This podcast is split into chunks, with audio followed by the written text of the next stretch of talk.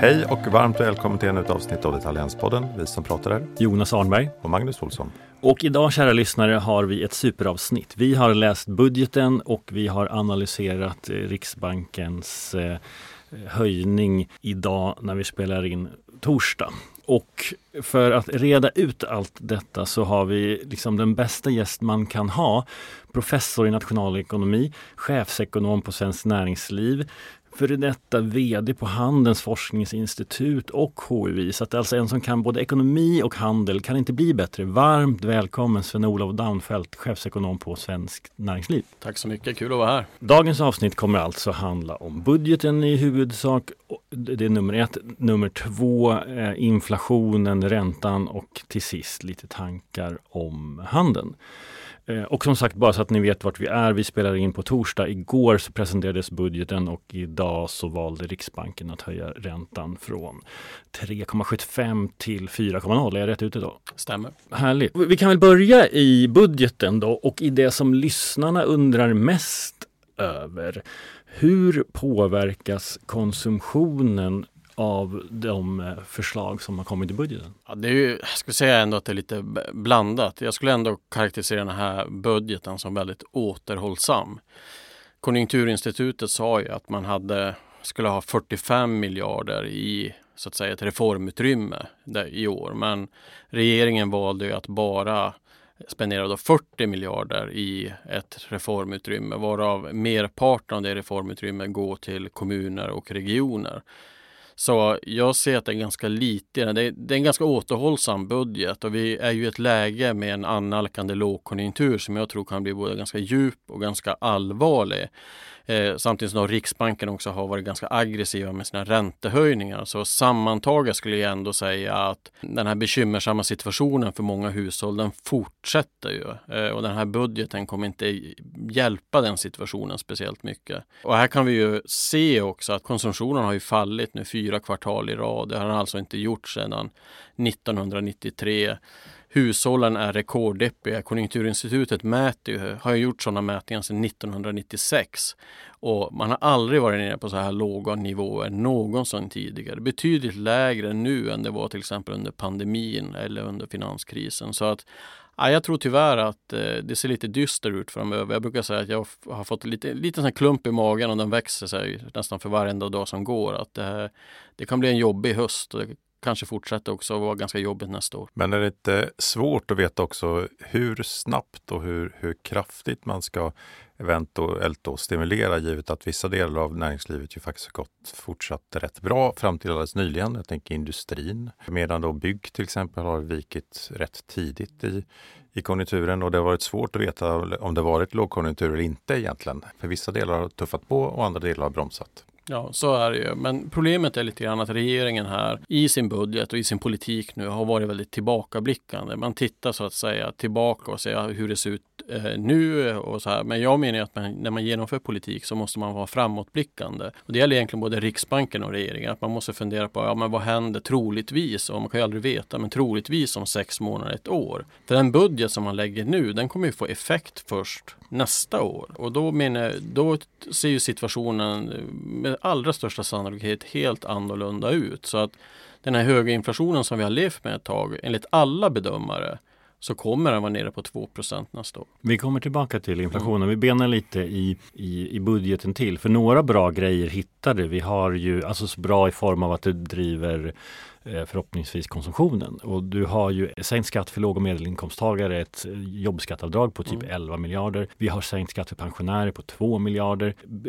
Det finns lite annat också, bostadsbidrag, vi har lite rotavdrag. Det finns ju några mm. saker som, som, som handeln kan dra nytta av. Absolut, så är det ju. Och det här jobbskatteavdraget var ju, skulle jag vilja säga, är efterlängtat. Det är väldigt viktigt här att man i den här lågkonjunkturen också få stimulanser just för låginkomsttagare och medelinkomsttagare. Det gör ju det här jobbskatteavdraget.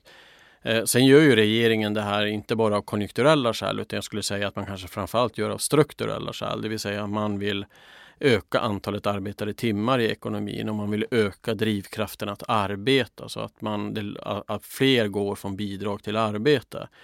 Eh, och där tror jag att man, man kommer lyckas med Eh, öka antalet kanske arbetade timmar eh, bland de som redan har jobb med en sån här politik. Att det, det, de drivkrafterna ökar. Jag är mycket, mycket mer skeptisk till att det här kommer leda till fler jobb. För samtidigt som man då eh, sänker det här, tar det här nya jobbskatteavdraget så eh, höjer man ju också upp bidragen eller bidragen inflationsjusteras. Så i många fall så kommer det inte vara någon skillnad eller till och med kommer att minska så att säga mellan att gå från bidrag till att gå till arbete. Så att det kommer inte få någon stor effekt på, på sysselsättningen för de här grupperna som idag står utanför arbetsmarknaden. En stor och viktig del för konsumenterna också är bostadspriserna och de har ju inte fallit särskilt mycket trots trots att Riksbanken då har varit väldigt aggressiv i sina höjningar. Det verkar ju som att, att hushållen är väldigt anpassningsbara. Har det inte blivit tillräckligt illa för att politikerna ska förstå att det är dags att börja stimulera? Eller vad, vad är din analys av det? Nej, jag, jag, tror lite grann att varför man väljer att inte ha en mer expansiv budget tror jag inte har så jättemycket med bostadspriserna att göra utan det tror, där får man väl nästan lita på vad Elisabeth Svantesson säger att de tittar på inflationen här och nu och tycker att den är alldeles för hög. Och så vill man inte riskera att lägga en alltför expansiv budget och sen hamna i en situation nästa år där inflationen inte har fallit då som förväntat. Och jag tror att det är den så att säga, rädslan som gör att man väljer ändå en lite mer återhållsam budget. Sen har man ju också det här problemet när vi har en fri, eh, en rörlig växelkurs, eh, en sån här penningpolitisk regim som vi har. Att det är egentligen alltid Riksbanken som har sista ordet. Eh, det är de som lägger sista kortet. Och här finns ju alltid en fara då att finanspolitiken då inte lirar med penningpolitiken. Så säg att finansministern hade lagt en väldigt expansiv budget och Riksbanken har tyckt att den är inflationsdrivande. Ja, då hade de ju höjt räntan ännu mer. Men vem, vem borde få bestämma då, tycker du? Nej, men jag tycker att den här situationen som vi har nu är egentligen är bra. Om vi tittar längre tillbaka i tiden och över tid så är det här en eh, Eh, att vi har haft en rörlig växelkurs med en självständig, en oberoende centralbank som bestämmer penningpolitiken. Det har gynnat Sverige väldigt väl i många, många år. Eh, sen har vi ju hamnat i en situation som är ju driven av väldigt extraordinära omständigheter skulle jag vilja säga. Först då en pandemi som väl ingen kunde förutse. förutse. Eh, och sen även eh, då kriget i Ukraina. Och det är de här två stora utbudschockerna som har drivit upp inflationen och som har gjort att vi har hamnat där vi är idag. Mm. Men, och det, det, blir ändå lite larvigt när budgeten presenteras ena dagen med ja, då summerade skattesänkningar på 13 miljarder för hushållen.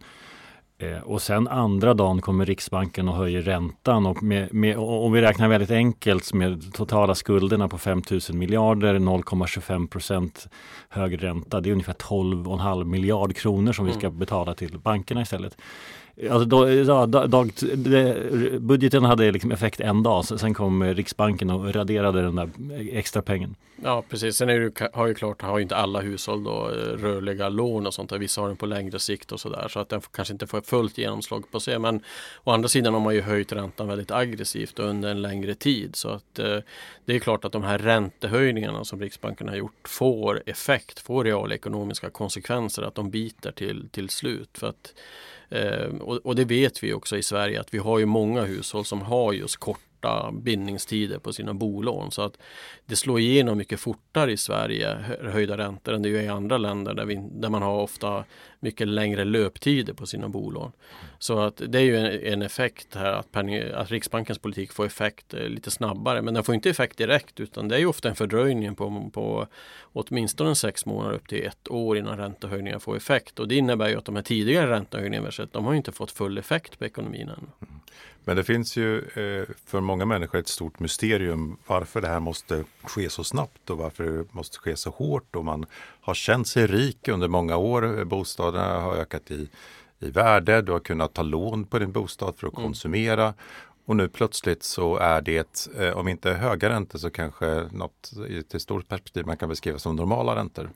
Eh, och plötsligt känner man sig väldigt fattig. Vad tror du krävs för att vi ska få en sättning på bostadsmarknaden som liksom gör det gör det illa på riktigt? Nej, men det som ofta brukar vara en effekt som driver alltså, alltså att konsumtionen minskar ännu mer och man får väldigt skadliga effekter på ekonomin. Det är ju när det, många börjar varslas och vi får en ökad arbetslöshet. Det brukar vara det som driver. När folk inte längre har ett jobb då får man de här st stora effekterna. Men jag tror redan nu på bostadsmarknaden, man ser ju att det är en avmattning helt klart. Vad jag tycker mig se är ju också att du har ett ganska stort utbud av fastigheter. Alltså att det är många som vill sälja fastigheter men inte riktigt får de priserna som de vill ha och då avvaktar man. Eh, men klart, man kan inte avvakta hur länge som helst. Jag tror att det är ett rekordstort utbud av fastigheter ute på marknaden. Och vissa attraktiva adresser och attraktiva fastigheter, de säljer. De kan nog sälja till ungefär de priser som har varit. Då ser man inte så stort fall. Men hur lång tid har ekonomin på sig att börja se ljus ut så att det inte börjar falla innan det så att säga? Nej, men när folk måste börja sälja sina fastigheter, när man blir tvingad att sälja sina fastigheter, då kommer vi att se ett fall här. Och vi kommer, det är då man kan se lite skarpare dropp. Och det är ju helt plötsligt när man inte har råd helt mm. längre att ha kvar fastigheterna. Det är då vi kommer verkligen se att, att, att vi får fallande, fallande bostads, bostadspriser. Och det ju, borde man ju rimligen se inom en ganska snar framtid. Ja, men jag tror att den här hösten kommer bli väldigt intressant. Det är ganska mycket som kan hända. Man får ju hoppas på en mjuklandning. Det är många som det får man ändå tillägga. Det är ganska många som gör bedömningen att den här konjunkturnedgången kommer bli alltså, ganska kortvarig och att vi kommer få en mjuklandning. Jag tycker mig dock se att fler och fler indikatorer pekar på att det här kan nog bli lite, lite jobbigare lågkonjunktur än vad de flesta har förväntat sig. Jag tycker att det är ganska många parametrar som pekar i fel riktning. Ska vi gå in på att prata inflation? För det är också en del till att man då med stor sannolikhet är så försiktig som man är att vi faktiskt inte har fått ner inflationen till målet. Och även om vi har sett tendenser och, och senaste månaden här så, så sjönk eh, åtminstone KPIF till eh, nivåer som gör att man skulle kunna påstå att det har skett en vändning. Men, men långsiktigt så, så kommer vi, står vi nu inför en ny vinter och så vidare. Men hur, hur, vad är din teori om inflationen framåt? Ja, jag har ju varit ute tidigt här och sagt att jag är helt övertygad om att inflationen är nere på 2% redan i början av nästa år. Och eh, det, det beror, Vilket datum? Eh, ja, vi har i våra konjunkturprognoser sagt att i mars eh, nästa år så är vi nere på 2% Men det kan Alltså det är klart, det finns ju alltid en osäkerhet men det finns faktiskt, om man räknar på det här, om man säger att månadstakten i inflationen, om den har varit som den har varit den senaste månaden, då har den varit på 0,15 procent. Om den fortsätter så de resten av månaderna här året, då är det faktiskt så att då kommer vi ha en inflationstakt på 2,1 procent redan i december. Jag säger inte att det blir så, men det är bara för att visa att det är inte helt osannolikt. Och det här är alltså en ren matematisk effekt för att inflationen som vi har haft den är framförallt utbudsdriven, alltså driven av pandemin och framförallt kriget i Ukraina som ökade ledde till att massa priser ökar. Sen har det med fördröjning påverkat andra priser runt om i, i ekonomin. Men inflationen är förändringen av prisnivån så räknar vi alltid 12 månader i taget. Väldigt länge så jämförde vi oss med en period precis efter kriget i Ukraina när priserna steg väldigt snabbt. Och då kommer inflationen bli bestående den tiden. Men nu har vi börjat jämföra oss med en prisnivå som har varit ganska långt från kriget i Ukraina. Eh, och när den här prisstegringen har börjat ebba ut och avtagit. Och då sjönk inflationen per automatik månad för månad för månad. Och man kan illustrera det här väldigt tydligt genom att istället för att titta på inflationen på 12 månader så tittar man på inflationen på 6 månader för då får man en bättre bild av hur priserna utvecklas under den senaste tiden. Och då ser vi ju att då är ju inflationen den senaste eh, sex månaderna i Sverige, den är nere på 1,1 procent, vilket då motsvarar en årlig Eh, inflation på 2,2 procent. Så att det, det, det, här, jag är övertygad, jag tror de flesta av mina kollegor är också övertygade om att inflationen kommer vara nere på 2 procent i, i början av nästa år. Eh, jag tittar på inflationsprognoser från andra institut och jag tror Konjunkturinstitutet till och med lägger, ligger lägre i sina prognoser än, än vad vi gör. Och, och, och, de flesta, det enda som egentligen sticker ut det är ju regeringen själva. De tror ju att inflationen KPIF då, i genomsnitt kommer att vara 2,7 procent nästa år och först komma ner till 2 procent 2025. Det finns ingen annan som tror på det. Det är bara de.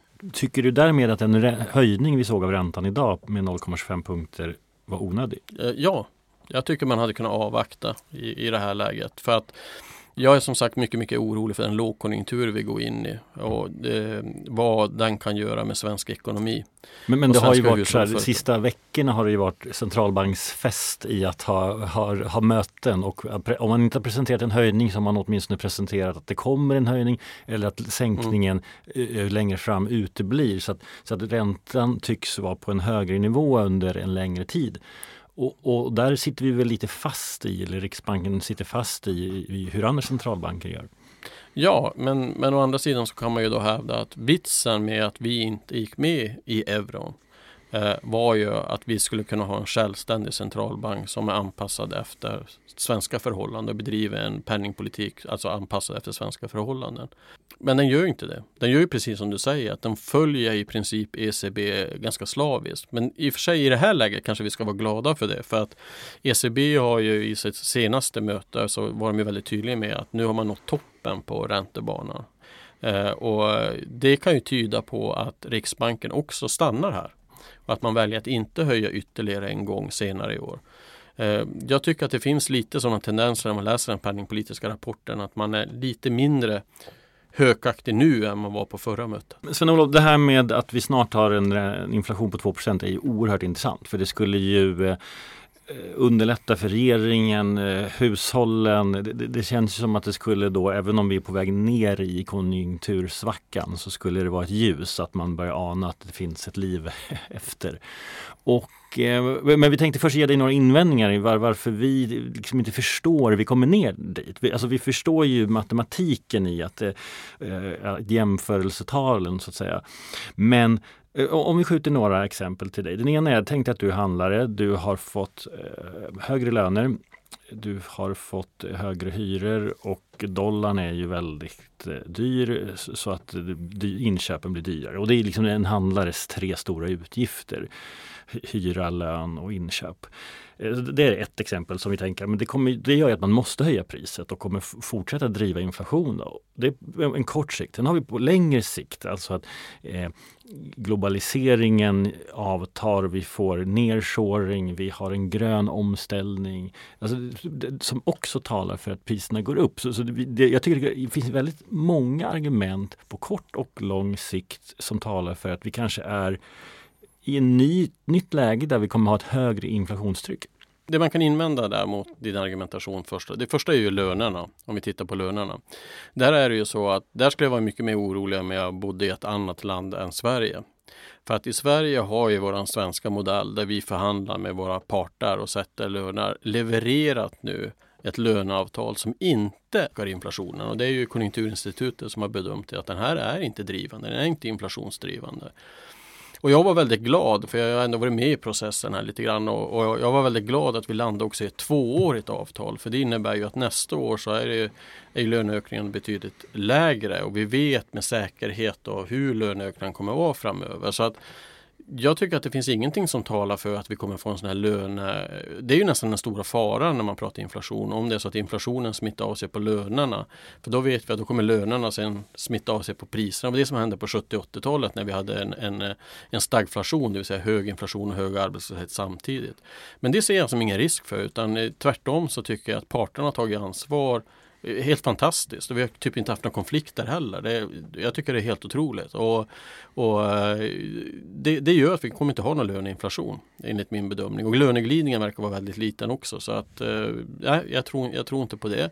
Eh, sen har vi naturligtvis det här med valutan och det kan jag väl erkänna att det är kanske den enda saken som oroar mig lite grann. Det är ju den otroligt svaga svenska kronan som ju blir, bara blir svagare och svagare och det är lite svårt att förklara varför den nästan blir det. Det finns inga teorier som kan nästan förklara varför den är så otroligt svag under en så lång tid. Men där skulle jag nästan ändå vilja säga att det mesta talar ju för att den kommer stärkas. Alltså om man tittar på bedömare där så är det ju så att det finns någon form av overshooting som har gjort att den svenska kronan har blivit alldeles för svag i förhållande till det värde men den i alla fall teoretiskt skulle ha så att säga. Så vi bedömer att kronan snarare kommer stärkas framöver. Kanske inte jättemycket men troligtvis kommer den stärkas och det kommer ju då snarare att pressa ner priserna i svensk handel. Då, mm. Eh, om jag får rätt. Men samtidigt ska jag också säga att växelkurser otroligt svåra att prognostisera. Det finns inga så här tydliga samband. Om du höjer räntan så kommer, kommer valutakursen att stärkas. Och så det, det, det, funkar inte så. Utan det, jag tycker att det är extremt stokastiskt bara. Men det är ju en av riksbankschefens eh, främsta argument för varför man måste höja räntan. Ja, och jag tycker att man har fel där. För tittar man på empiriska studier av vad är sambandet mellan ränteförändringar och eh, växelkursförändringar så finns det typ nästan inget samband. Och finns det så är det väldigt, väldigt svagt. Så att jag, jag, tycker inte riktigt att det håller. Det är som ett teoretiskt läroboksexempel. Jag, jag är ju professor i nationalekonomi men jag vet ju att eh, när man lär ut det här så lär man ju studenterna att höjer man räntan så eh, blir växelkursen då stark eller då stärker man kronan. Men, eh, men i praktiken så verkar det inte finnas. Så här får man komma ihåg att de mesta flödena är ju inte reala längre utan de är ju rent finansiella transaktioner. Det är det som, som egentligen styr den svenska, hur svenska kronan utvecklas. Och tyvärr finns det ingen stort förtroende för den svenska kronan. Jag tror det är det som är problemet. Det har blivit lite grann av en skvalpvaluta och i osäkra tider väljer man att hålla euro och dollar istället. Mm. Så det tror jag är den stora förklaringen här. Eh, och sen var det den sista var just det här med, med, med, med, så att säga hyror och sånt där. Eh, och där är det ju så att visst, där finns det ju en liten inflationseffekt på det sättet att hyrorna i handeln till stor del bestäms ju av eh, KPI och KPI, jag tror att det är oktobersiffran om jag har rätt som det är. Och den kommer ju i år och landa eh, och där kan man ju också förtydliga, det här är ju ett annat inflationsmått. Riksbanken styr ju efter KPIF när man då tar bort effekter av räntorna på priserna. KPI, där inkluderas ju ränteförändringarna. Och det innebär ju att den är ju högre, så den kommer ju ligga i oktober enligt våra bedömningar på kanske strax över 6% Och det innebär ju att man kommer ju få höjda hyror här om man inte då lyckas förhandla ner det med sina fastighetsägare. Det är väl kanske det man kan hoppas på för att handeln har en tuff tid framför sig här. Eh, och jag tror att många kommer ha väldigt pressade marginaler och man kommer ha en utslagning.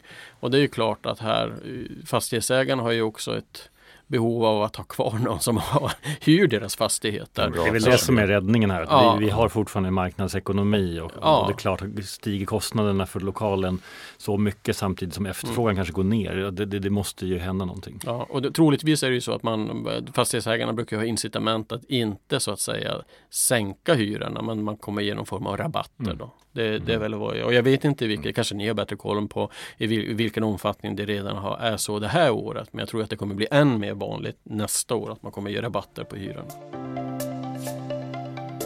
Många konsumenter har ju i över tid eh, i lågräntepolitiken och med ökade bostadspriser som vi är inne på också blivit väldigt bortskämda. Och, och någonstans i det här liksom verklighet som vi befinner oss i nu så finns det också en aspekt av att konsumenten har varit med och drivit inflationen genom sin vilja att hela tiden betala mer och att inteckna att allting kommer att bli bättre.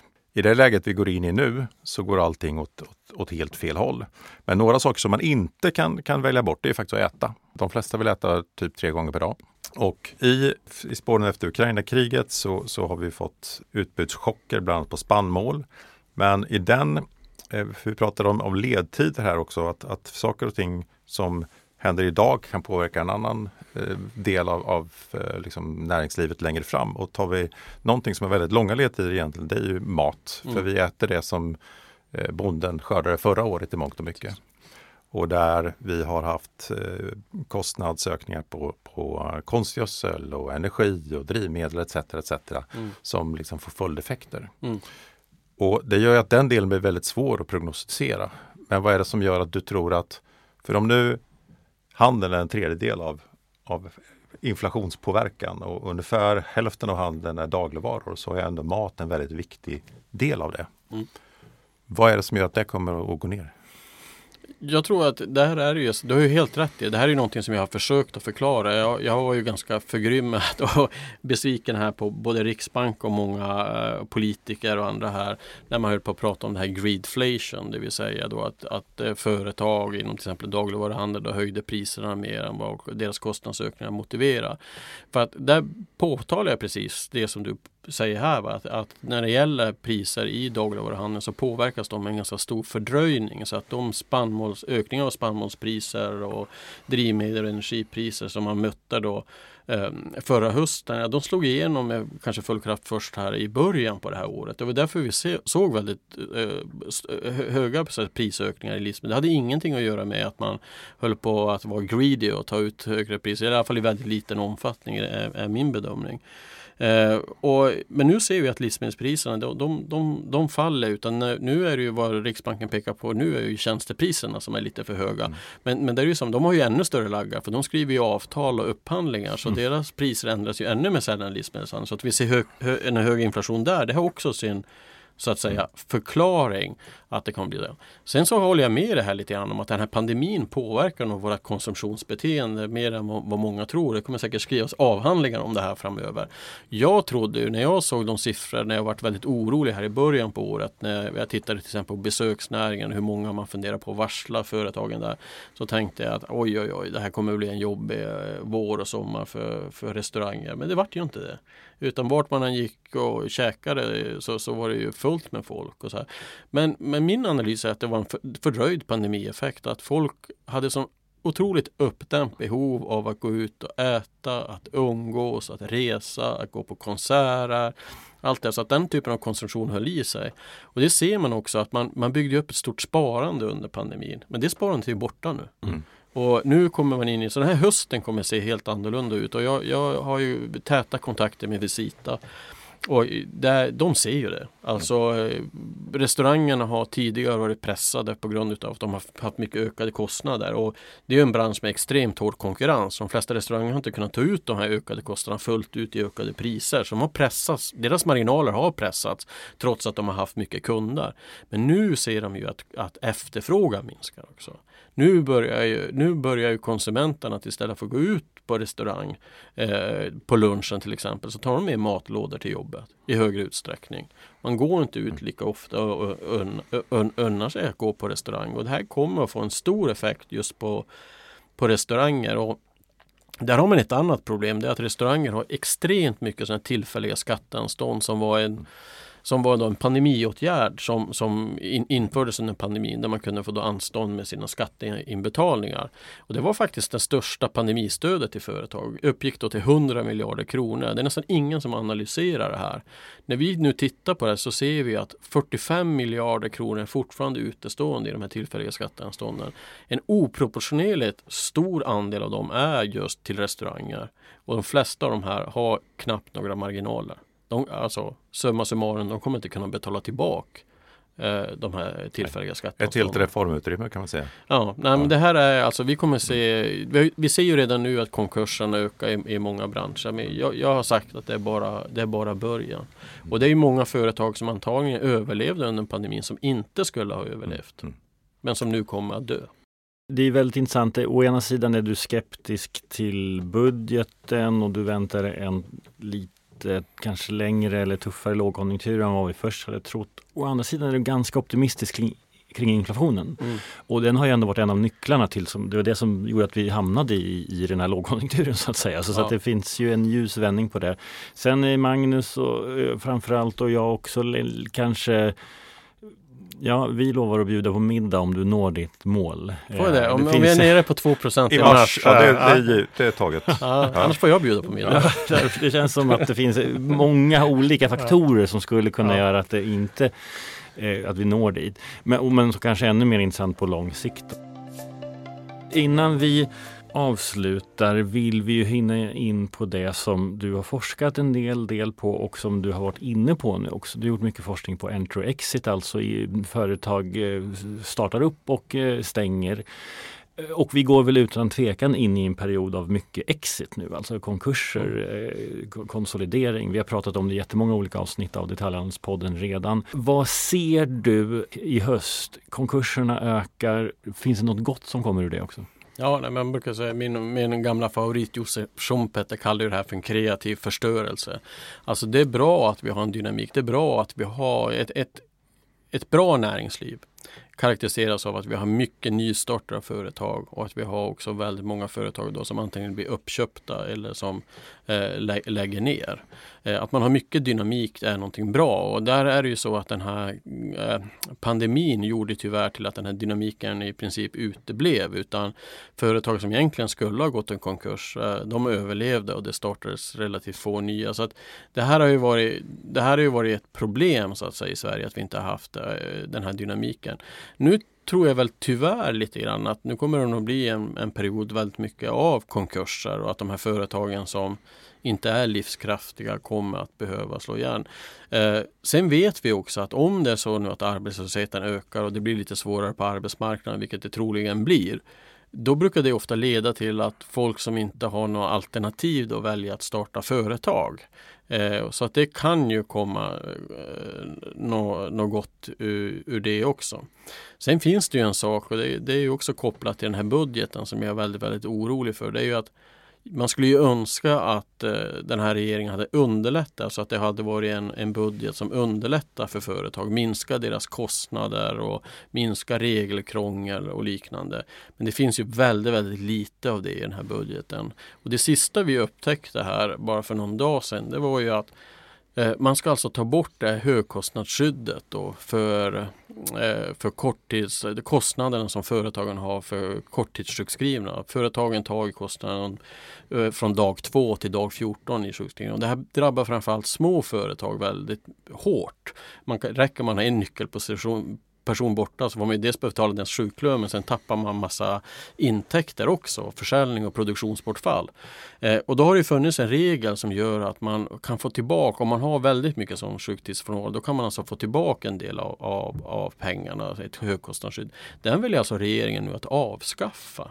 Vilket eh, ja, kom som en total överraskning för oss. Vi hade inte sett det komma och det är klart det här kommer ju leda till ökade risker om man ska starta ett nytt företag. Det kommer ju innebära att de företag som redan finns på marknaden kommer ju vara Ja, de, de kommer ju så att säga bli mindre benägna att växa och ta risk. Eh, och dessutom så är det ju så att man kommer bli mindre benägen att anställa någon som har en sjukdomshistorik. Mm. Så att det här var väldigt dåligt. Som, det här är ett exempel också på att här kan ju politiken hjälpa företagen genom att stimulera till mer företagande, stimulera företag att ta risk, att anställa, att våga växa och så vidare. Det finns ingenting nästan av det i den här budgeten och det är tråkigt. Vi har ju, vi har ju varit väldigt makro idag och den eh, gode Peter är ju klok. Mm. Men det kan ju vara ganska dystert om man är det här företaget som drabbas. Mm.